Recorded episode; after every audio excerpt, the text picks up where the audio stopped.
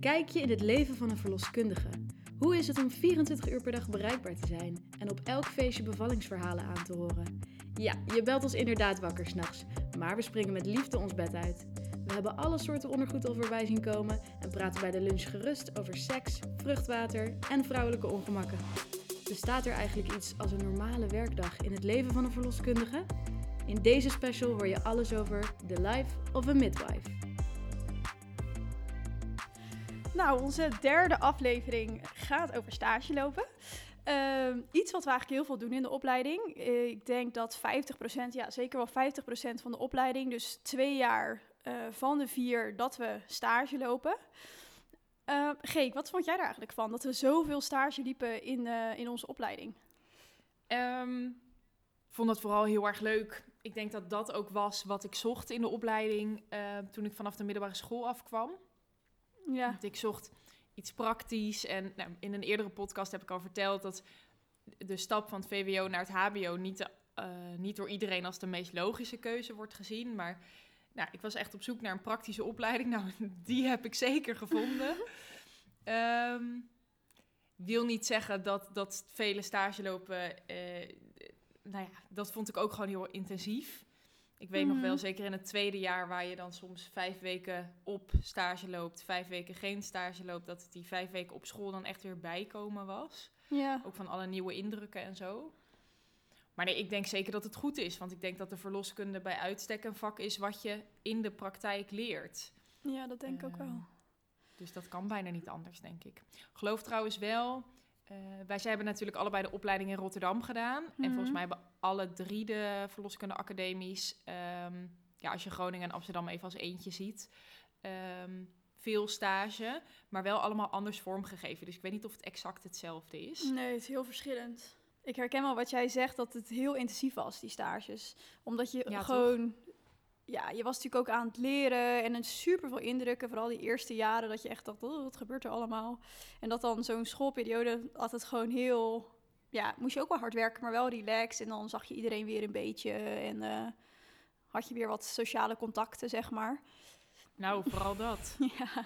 Weer een beetje gezellig. School was ook echt gezellig. Gewoon koffietje doen en uh, ja. uh, lunchen of... Um, ja, want stage kon soms best alleen zijn, vond ik. Ja. Ik vond het heel leuk, maar omdat het zo intensief is en dag en nacht... Ja, kon het best wel alleen zijn. Dat kwam ook omdat stage niet altijd dicht bij huis was. Ook wel eens verder weg. Ja. Nou goed, daar gaan we het allemaal straks over hebben. Um, Sol, wat is je leukste stageervaring? Uh, mijn leukste stageervaring was denk ik in mijn tweede jaar. Mm -hmm. Toen uh, ging ik stage lopen in Rotterdam bij Verloskundige aan de Maas. En daar ben ik daarna ook nog in mijn vierde jaar gekomen en ook nog gewerkt als afgestudeerd verloskundige. Uh, maar toen in mijn tweede jaar, toen uh, had ik mijn eerste stagedag. En toen zei Pascalle, ehm, toen mijn stagebegeleider jij gaat deze stage geen episch, dus een knip, leren zetten, maar jij gaat leren breien. En ik dacht echt, leren breien? Waar ben ik terecht gekomen, zeg maar? Um, maar het blijkt dus dat op het moment dat je als verloskundige breidt of handwerk doet tijdens een bevalling, uh, dat vrouwen zich meer ontspannen en uh, ja, meer in hun eigen cocon komen en daardoor ook beter kunnen bevallen. Dat is echt wetenschappelijk bewezen. Um, en zij hadden een hele natuurlijke instinct van verloskunde, of dat hebben zij. Dus ik heb echt daadwerkelijk leren breien op mijn stage. Um, om dat dus ook te gaan doen tijdens bevallingen. Dus ik heb ook een keer tijdens een bevalling, volgens mij samen met Pascal. Toen was er een vrouw die zat lekker in bad er weer op te vangen. En wij zaten zo naast dat bad te breien. Helemaal, die vrouw helemaal in haar eigen wereld. En ik dacht alleen maar, wow, dat is zo'n uh, andere verloskunde. En ik vond dat echt heel leuk, de manier hoe zij dat aanpakte, zeg maar. Ik vond het echt ja. wel een soort van eye-opener. Ja, het is wel als je dit aan mensen uitlegt, dan denken ze ja. echt... Ja hoor, tuurlijk. Jij zit lekker te breien. Verdien ja. je zo je geld? Nou.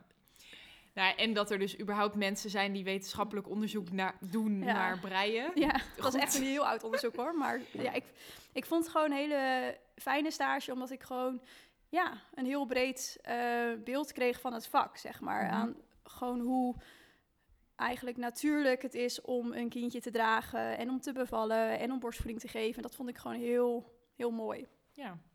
Nou, wel mooi dat, je stagepraktijk dat zo uh, op jou als student zeg maar kan overbrengen. Ja. Over student gesproken, ik had altijd een hekel aan het woord student. Oh ja, ik ook. Je, dat je bent dat natuurlijk, dus dat klopt ook helemaal. Maar het was altijd zoveel fijner als je stagebegeleiders je gewoon voorstellen als... Uh, dit is verloskundige in opleiding. Ja, ja. Toen we die eerste mailtjes kregen van school met... Uh, waar dan boven stond mm verloskundige in opleiding. Of beste verloskundige in opleiding. Dat ik echt dacht, ah, dat ben ik inderdaad, cool. Ja, ja. Maar het is wel grappig dat je dat zegt. Want ik heb dit jaar een uh, vierdejaars verloskundige opleiding begeleid. En die zei altijd, als ze zich voorstelde aan de mensen... nou, ik ben de, de, de, de stagiair. Toen zei ik op een gegeven moment ook tegen haar... je moet gewoon zeggen verloskundige in opleiding. Stagiair klinkt zo... Ja, ik weet niet. Ik vond het gewoon niet leuk klinken. Dus daarna heeft ze ook heel tijd gezegd verloskundige in opleiding. Gewoon omdat dat gewoon, ja, klinkt professioneler ook of zo. Nou, het maakt dus echt uit hoe je jezelf of hoe je door je stagebegeleiders, zeg maar, uh, wordt voorgesteld aan mensen. Ook hoe ze zich uh, tegenover je opstellen. Ja. Dus of ze het goed vinden dat je bij de bevalling bent of niet, of uh, hoe ze die band met je opbouwen. Ik denk dat iedereen dat zal ontkennen, maar ik heb toch een beetje het gevoel dat dat wel uitmaakt. Dat weet, ja, dat denk ik ook wel, ja. Maar jouw uh, leukste stageervaring, kan je die nog herinneren? Ja, ik heb daar natuurlijk voorafgaand aan deze aflevering over nagedacht. Maar ik vind het altijd moeilijk om een mooiste, beste uh, ervaring aan te duiden, omdat er zoveel leuke dingen zijn. Mm Lekker cliché. Maar ik denk dat mijn eerste stage, wat ik dus in de eerste keer ook al uitlegde, um, dat ik daar vooral heel leuk vond dat ik zo verwonderd was. Omdat ik eigenlijk, ik wist niks van de hele verloskunde toen ik begon. Dus uh, het feit hoe je een bloeddruk meten, vond ik al bijzonder. Mm nou, dat heeft me heel erg geholpen. Of heel erg geholpen. Dat, dat vond ik wel heel erg leuk. Um, maar ik weet nog dat ik mijn klinische stages, dus de stages in het ziekenhuis, ook echt heel leuk kon vinden. Omdat je dan nou, kon wat meer het onderscheid maken tussen in het ziekenhuis echt puur technisch-medisch handelen en veel klinisch bredeneren. Dus dat wil zeggen uh, veel nadenken over verschillende diagnoses. Je zag veel meer Um, veel meer verschillende dingen, veel meer ziektebeelden, et cetera. Ja. En in de eerste lijn, dus hoe wij nu werken in een verloskundige praktijk, kon ik juist weer veel meer mijn communicatie oefenen en um, dat. Ja.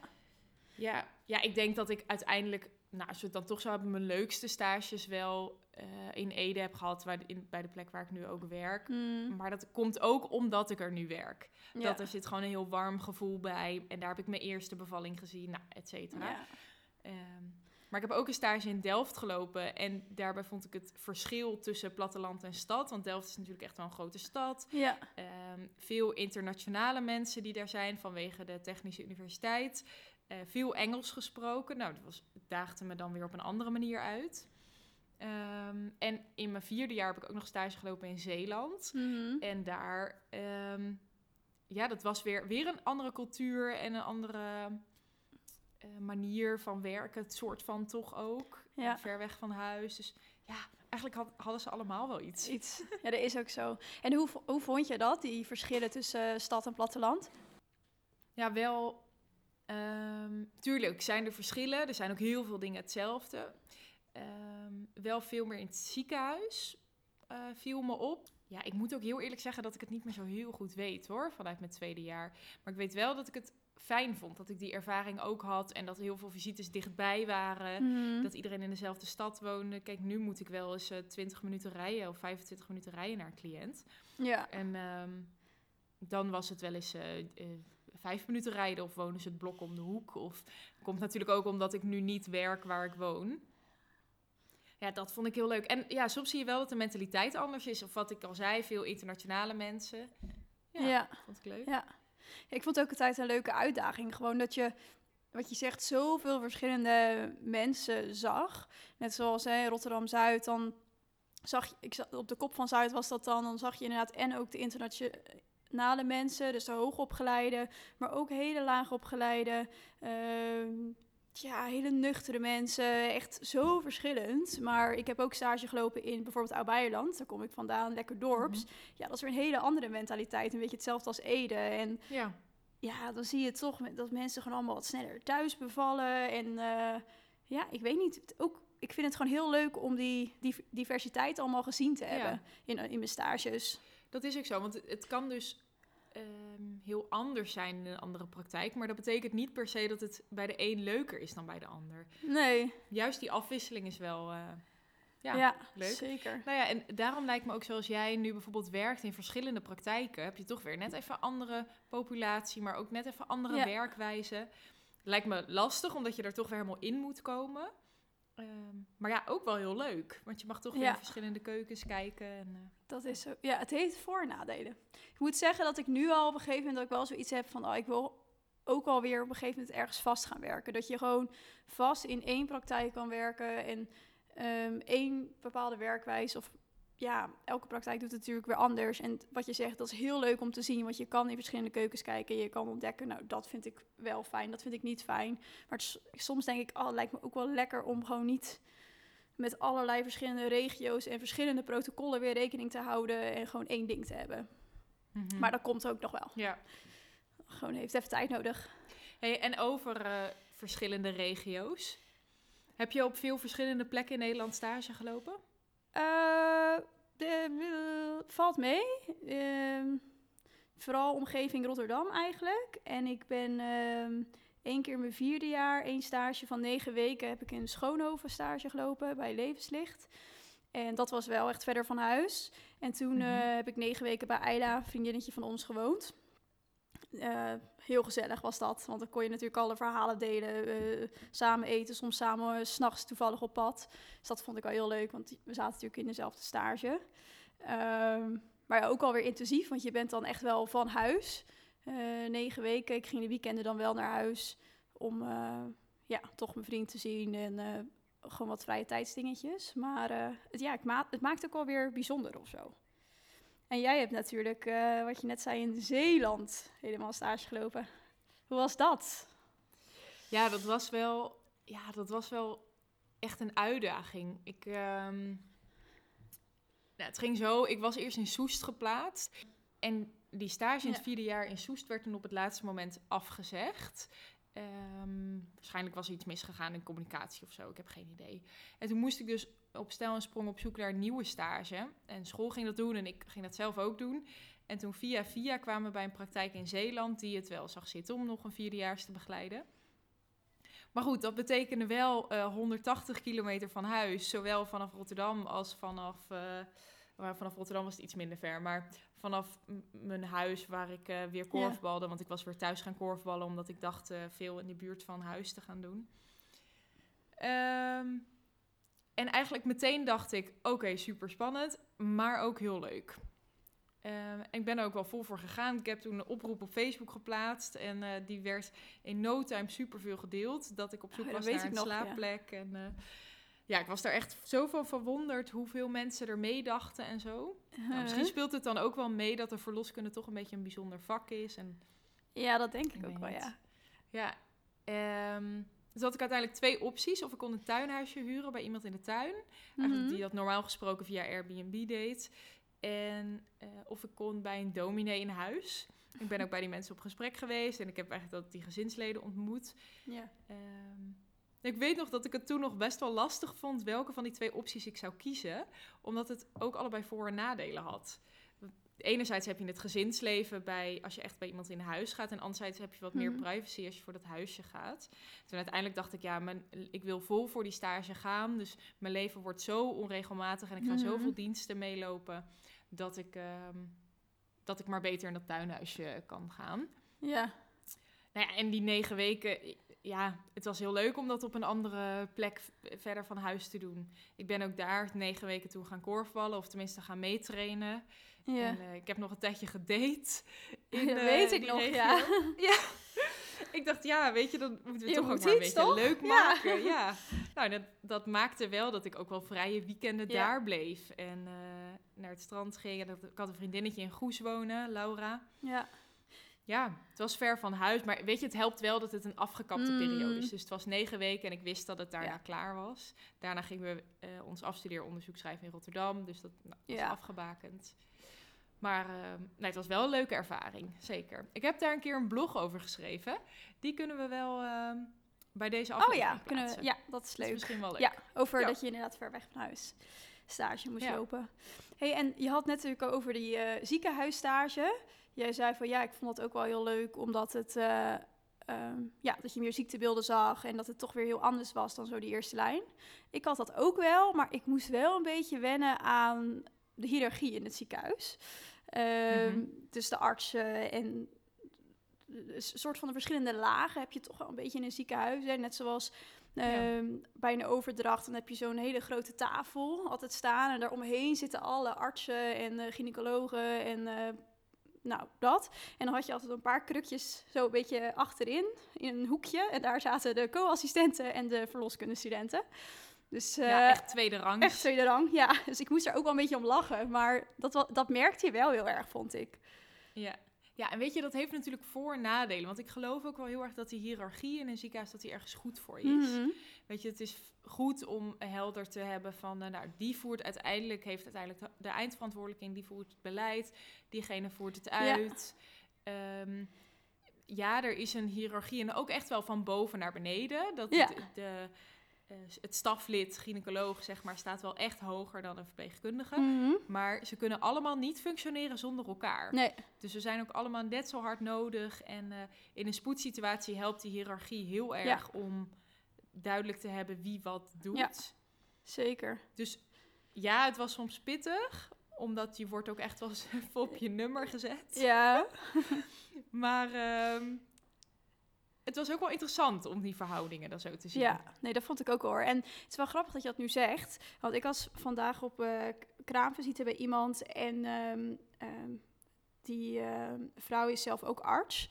En die zei ook tijdens de bevalling: Oh, ik vond het heel grappig om de hiërarchie tijdens de bevalling te zien. Ik uh, moest haar overdragen uiteindelijk. En toen ik haar over aan het dragen was, kwam eerst de klinische verloskundige. Vervolgens vroeg de klinische, klinische verloskundige, dus de verloskundige uit het ziekenhuis, vroeg de artsassistent erbij. De artsassistent vroeg vervolgens de gynaecoloog erbij. Dus er was echt zo'n echt zo'n hele duidelijke hiërarchie zichtbaar tijdens die bevalling. En dat merkte zij ook heel erg. Zij vond het eigenlijk best wel grappig om te zien hoe dat dan gaat. Maar ze zei wel, het hielp wel in dat op een gegeven moment de gynaecoloog was ook degene die iedereen zo aanstuurde. Waardoor wat jij zegt, hè, dat je dan, uh, als er een spoedsituatie is, dat dan... Uh, dat het dan eigenlijk heel effectief kan zijn. Al ja, want die aansturende rol is net zo belangrijk als de uitvoerende Zeker. rol. Al vind ik wel belangrijk altijd daarin omdat er dan een goede samenwerking is. Um, ja. En niet van uh, um, ik ben de baas en ik kan het beter, zeg maar. Maar dat, er dan, dat we wel gelijkgestemd zijn. Alleen dat er dan één iemand de leiding neemt en um, de ander aanstuurt. En, uh, ja, dat, dat vind ik wel belangrijk in zo'n hiërarchie. Het is een hiërarchie in in wie ja, voert welke taak uit. Maar niet, zo, niet zozeer wie nee, is er beter nee, dan de nee, ander. Nee. nee. Ja, en dat, dat gevoel kan het je soms wel geven. Ja, dat, en dat vond ik soms ook met die stages een beetje. Dat ik daar gewoon een beetje aan moest wennen. En ja, dan moet je ook gewoon een beetje je rol mm. in vinden, denk ik. Ja, nou ik denk dat dat ook wel iets is wat veel bekend is onder, uh, onder co-assistenten. Daar heb je altijd een beetje het grapje van... Uh, nou, de co-assistent haalt altijd koffie voor het staflid... ja. en uh, nooit andersom, weet ja, je wel. Ja, ja. Terwijl je dat, denk ik, nu al wel veel minder ziet dan, uh, dan vroeger. Maar um, ja. ik vond wel altijd, je had natuurlijk super veel verschillende artsen. En het uh, was altijd een klus om alle namen te onthouden. Ja. Hoe iedereen uh, dan heette en zo. En dat je ook wel moest zorgen dat, dat je de arts niet uit het oog zou verliezen. Want die gingen gewoon ineens de kamer in, weet je wel? Dat je dacht, ik moet er gewoon ja. achteraan blijven lopen, want anders ben ik stagebegeleider kwijt. Ja, maar je moest niet overal achteraan blijven lopen. Want het is mij ook wel eens overkomen dat ik dacht... oh, ze gaat nu vast iemand beoordelen op een kamer... dat ze dan naar de wc liep of zo. oh, ja, echt hè? Ik weet wel dat ze daar op school toen voor waarschuwden van... oké, je moet er wel achteraan lopen, maar vraag wel even waar ze naartoe gaat. Niet dat je er ja. inderdaad... Nee, uh, nou ja, ik liep niet echt mee de wc, maar het was meer... we liepen zo gelijk op. En ik had op een gegeven moment door van... Hmm, ja. Volgens mij loop jij niet naar een kamer. Dus toen liep ik maar rechtdoor naar de overdrachtskamer. En sloeg zij ja. links naar de wc af. oh, echt. Ja, maar je moet wel. Ja, dat is ook zo. Ja. Zeker als je gewoon alles wil zien en niks wil missen. En, uh, ja. ja, en ze willen ook dat je je assertief ja. opstelt. Ja. Dus dan, je probeert maar te vragen en te doen. Terwijl je op een gegeven moment ook denkt... nou, volgens mij is het super irritant wat ik aan het doen ben. Maar eh, als je het niet doet, is het ook niet goed. Dus het is altijd een beetje zoeken. Dat is ook zo. Ja, ik heb wel veel geleerd ook in het ziekenhuis hoor, in de tweede lijn. Wel, uh, ja. En ik weet wel nog, mijn eerste tweede lijn stage. Uh, in jaar twee heb je ook niet uh, stage in het ziekenhuis, maar niet echt op de afdeling verloskunde, maar dan van die ketenzorg noemen we dat. Um, dus dan ging je een weekje meelopen op de afdeling neonatologie, dus bij te vroeg geboren baby's. Uh, je ging een weekje op de kraamafdeling, geloof ik, meelopen, dus uh, vrouwen die waren bevallen en die daar nog lagen. En ehm, ik weet nog dat ik toen op de kraamafdeling liep in Delft en ehm, toen zei de verloskundige van, oh, er is nog wel een plekje op de verloskamers, ga maar mee met de overdracht. Alleen toen had ik dus nog niet begrepen dat er dus um, speciale stoeltjes achterin de overdrachtskamer oh, stonden voor de verloskundige student en voor de co-assistenten. Dus ze lieten mij ook zo voorgaan in die overdrachtkamer en ik kom zo die zaal binnen helemaal vol met allemaal artsen, echt, en echt mega vol. En ik zie een stoeltje zo ergens voor aanstaan. Ik denk, oh mooi, dan ga ik daar zitten. En de rest loopt helemaal daaromheen, helemaal achterin in een hoekje gingen zij op krukjes zitten en ik keek ze echt zo aan. En al die artsen aan die tafel keken mij zo aan. Maar ze waren dus al begonnen en ik, ja, ik wist me gewoon geen houding aan te nemen. Ik dacht alleen maar, oh, dit is natuurlijk niet de bedoeling dat ik hier zit. Dus ik heb echt, die overdracht duurde natuurlijk voor mijn gevoel heel lang. Er echt, echt gewoon met schaamte gezeten. Oh, ja. Ik heb ook wel eens tijdens een overdracht... Ehm, kijk, wat je moet weten van een overdracht is dan, eh, dan draagt zeker s ochtends vroeg, draagt zeg maar de nachtdienst over aan de, de dagdienst. En ja. s'nachts is er, zijn er veel minder mensen aan het werk dan overdag. Want overdag heb je naast de uh, zorg op de verloskamers die altijd doorgaat, heb je ook alle reguliere zorg. Dus de polies, de uh, afspraken, maar ook de gynaecologische operaties. Um, terwijl wij zijn, worden natuurlijk opgeleid als verloskundigen. Dus wij hebben alleen het stukje obstetrie, zoals dat uh, zeg maar in het ziekenhuis genoemd wordt. Maar daar werden er ook wel eens, ik heb stage gelopen in het Erasmus bijvoorbeeld, in de derde lijn, werden er hele ingewikkelde uh, casussen verteld over uh, operaties of dingen. Ja, en die overdracht duurde soms wel eens een half uur. Ik zat echt niet altijd heel goed op te letten. Oh, want toen zat ik een keertje naast de gynaecoloog en die keek me echt zo aan. Weet jij dit? Ik zo, uh, nee. Waarom maak je dan geen aantekeningen? Moet je toch zorgen dat je dit allemaal kent? Oh. En ik dacht echt. Dus ik ging maar een soort van opschrijven. Want ja, ik durfde dan ook niet te zeggen van... Uh, want ja, je moet ook een beetje fluisteren in die overdracht. Want ja. Nou, je hebt allemaal van die... De overdrachtsruimte aan zich is echt een soort wereldje. Ja. Dat, ja. Heel bijzonder. Ja, ja, waar ongeschreven regels gelden en... Uh, ja. ja grappig. grappig. Leuk om daar zo op terug te blikken. Eh, eh, voor mij was het natuurlijk al een beetje een blooper die... die uh, dat ik daarvoor in, uh, in die overdrachtzaal ging zitten. Heb jij een keer op een stage gehad dat je echt dacht, oh geek, wat doe ik? Nou, ik weet nog wel dat op een van mijn eerste stages had um, mijn stagebegeleider net aan me uitgelegd hoe je op een echo kon zien, het verschil kon zien tussen een jongetje en een meisje. Ja. En toen was het blijkbaar op een echo echt super duidelijk te zien. Wist ik veel. Ik wist echt niet waar ik naar keek. dus ik dacht, oké, 50% kans, we wagen het erop. Ja. Nou, natuurlijk hartstikke fout. Die ouders die schrokken zich een hoedje, want die dachten, huh, het was toch een jochie, terwijl ik zei dat het een meisje was.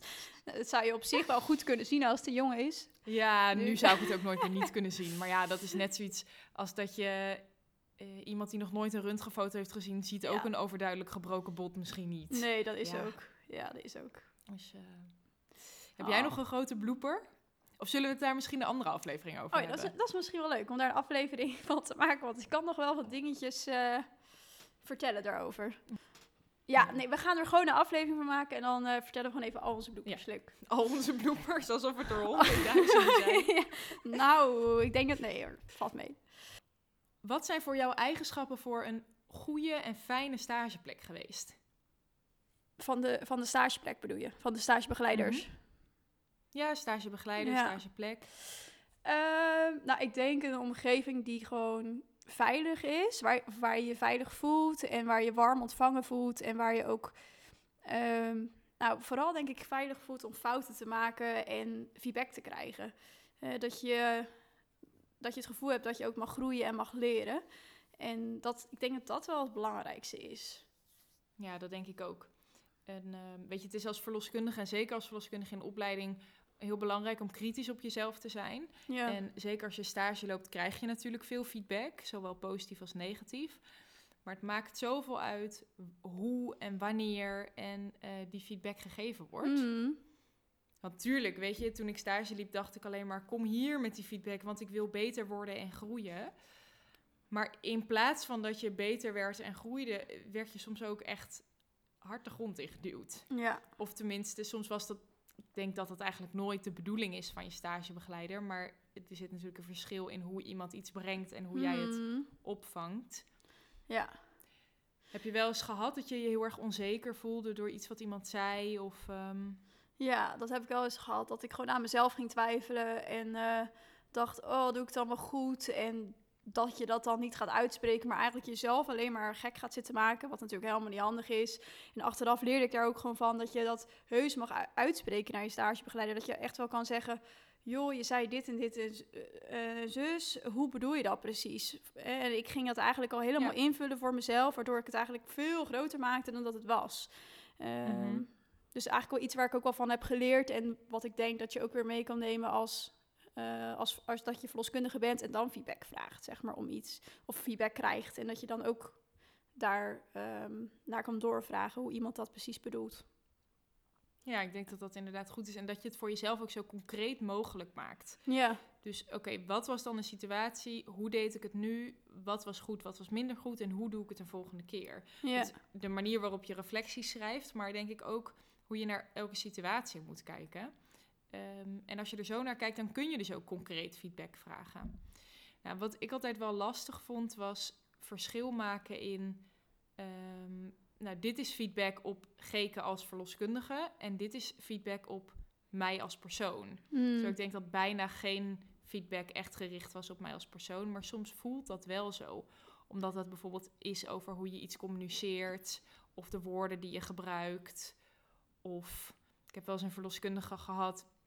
Die zei dat ze mijn spreekuren heel rommelig vond. En dat ze zich afvroeg of ik misschien heel nodig naar de wc moest of zo. dat ik dacht, huh? ja, heb je van die niet concrete feedback waar je dan zo weinig mee Ja. kan. Dat kon me nog het meest onzeker maken. Kijk, als het gewoon duidelijk was van oké, ik heb dit nu zo aangepakt, maar het had beter op die manier gekund, dan was het vaak Ja. prima. ja.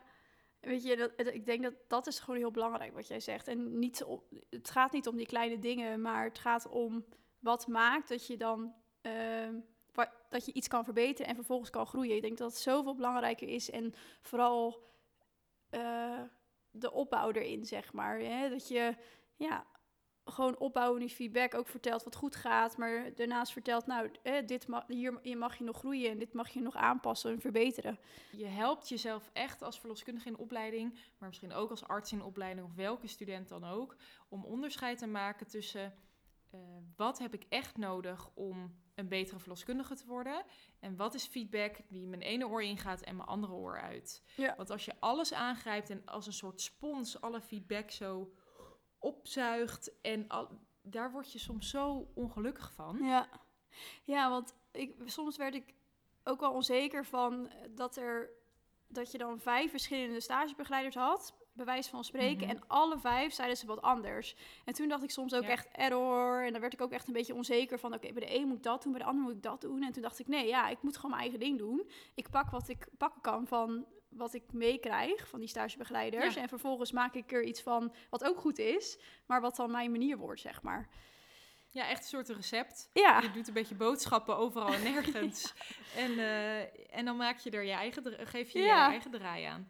Nou, ik weet ook nog wel dat mijn eh, stagebegeleiders dat ook wel grappig vonden van het begeleiden van mij. Kijk, verloskunde is typisch een vak waar iedereen een beetje van zichzelf in stopt. Ja. En wij werken ook allebei anders en we zullen... eh, ondanks dat de uitkomst van een bepaalde casus misschien hetzelfde is, vliegen we dat toch even op een andere manier aan. Dat mijn stagebegeleiders dan via mij terughoorden hoe de ander dat deed. Ja.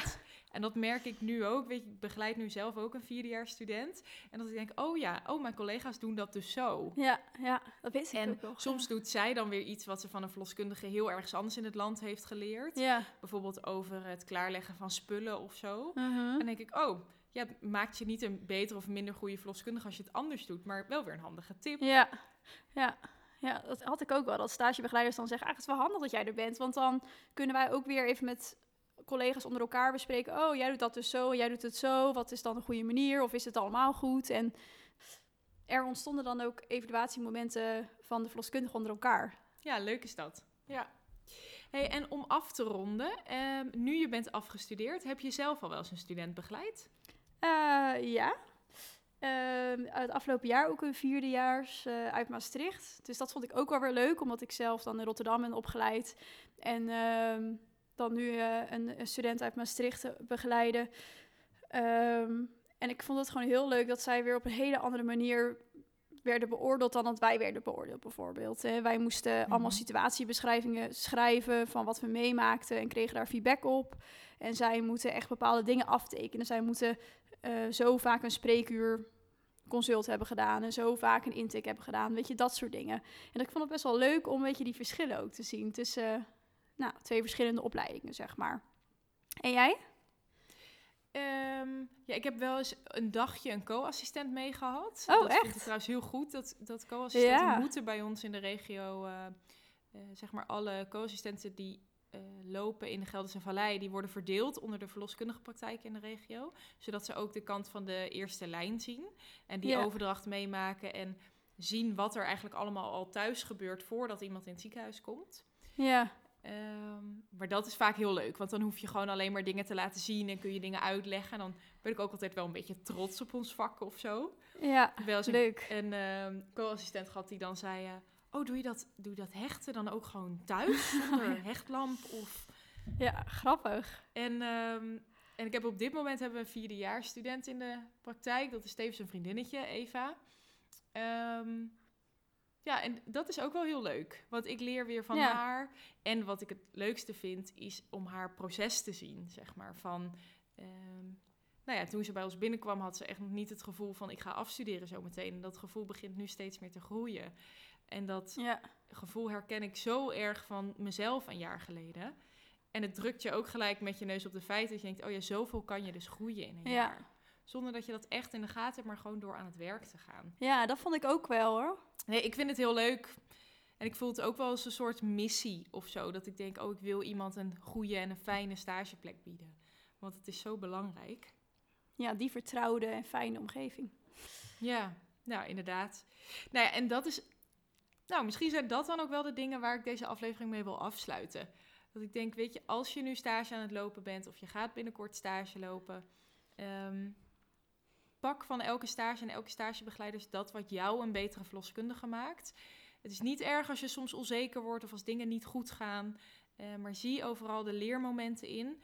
Durf het ook los te laten als iets niet zo goed is gegaan. Baal daar even van, pak daar, de, pak daar je groeimoment uit en ga door.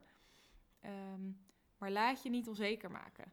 Want uh, nou, de medische wereld is soms best hard. Maar je, kan, je komt er echt wel. Ja, mooie tip, Geek. Ja, toch? Oké. Okay. Nou, leuke aflevering weer over stage lopen. Ik hoop dat jullie er weer uh, uh, met plezier naar hebben geluisterd. Mochten jullie nou vragen hebben, laat het ons weten op Instagram, Facebook of op onze website. Um, en we vinden het heel leuk als jullie een review achterlaten uh, op de Apple Podcast app. En uh, we zien je de volgende keer weer. Dit was de podcast voor deze keer. Meer zwanger en zo? Je kunt ons volgen op Instagram, Facebook of onze website zwangerenzo, de podcast.nl. Tot de volgende keer.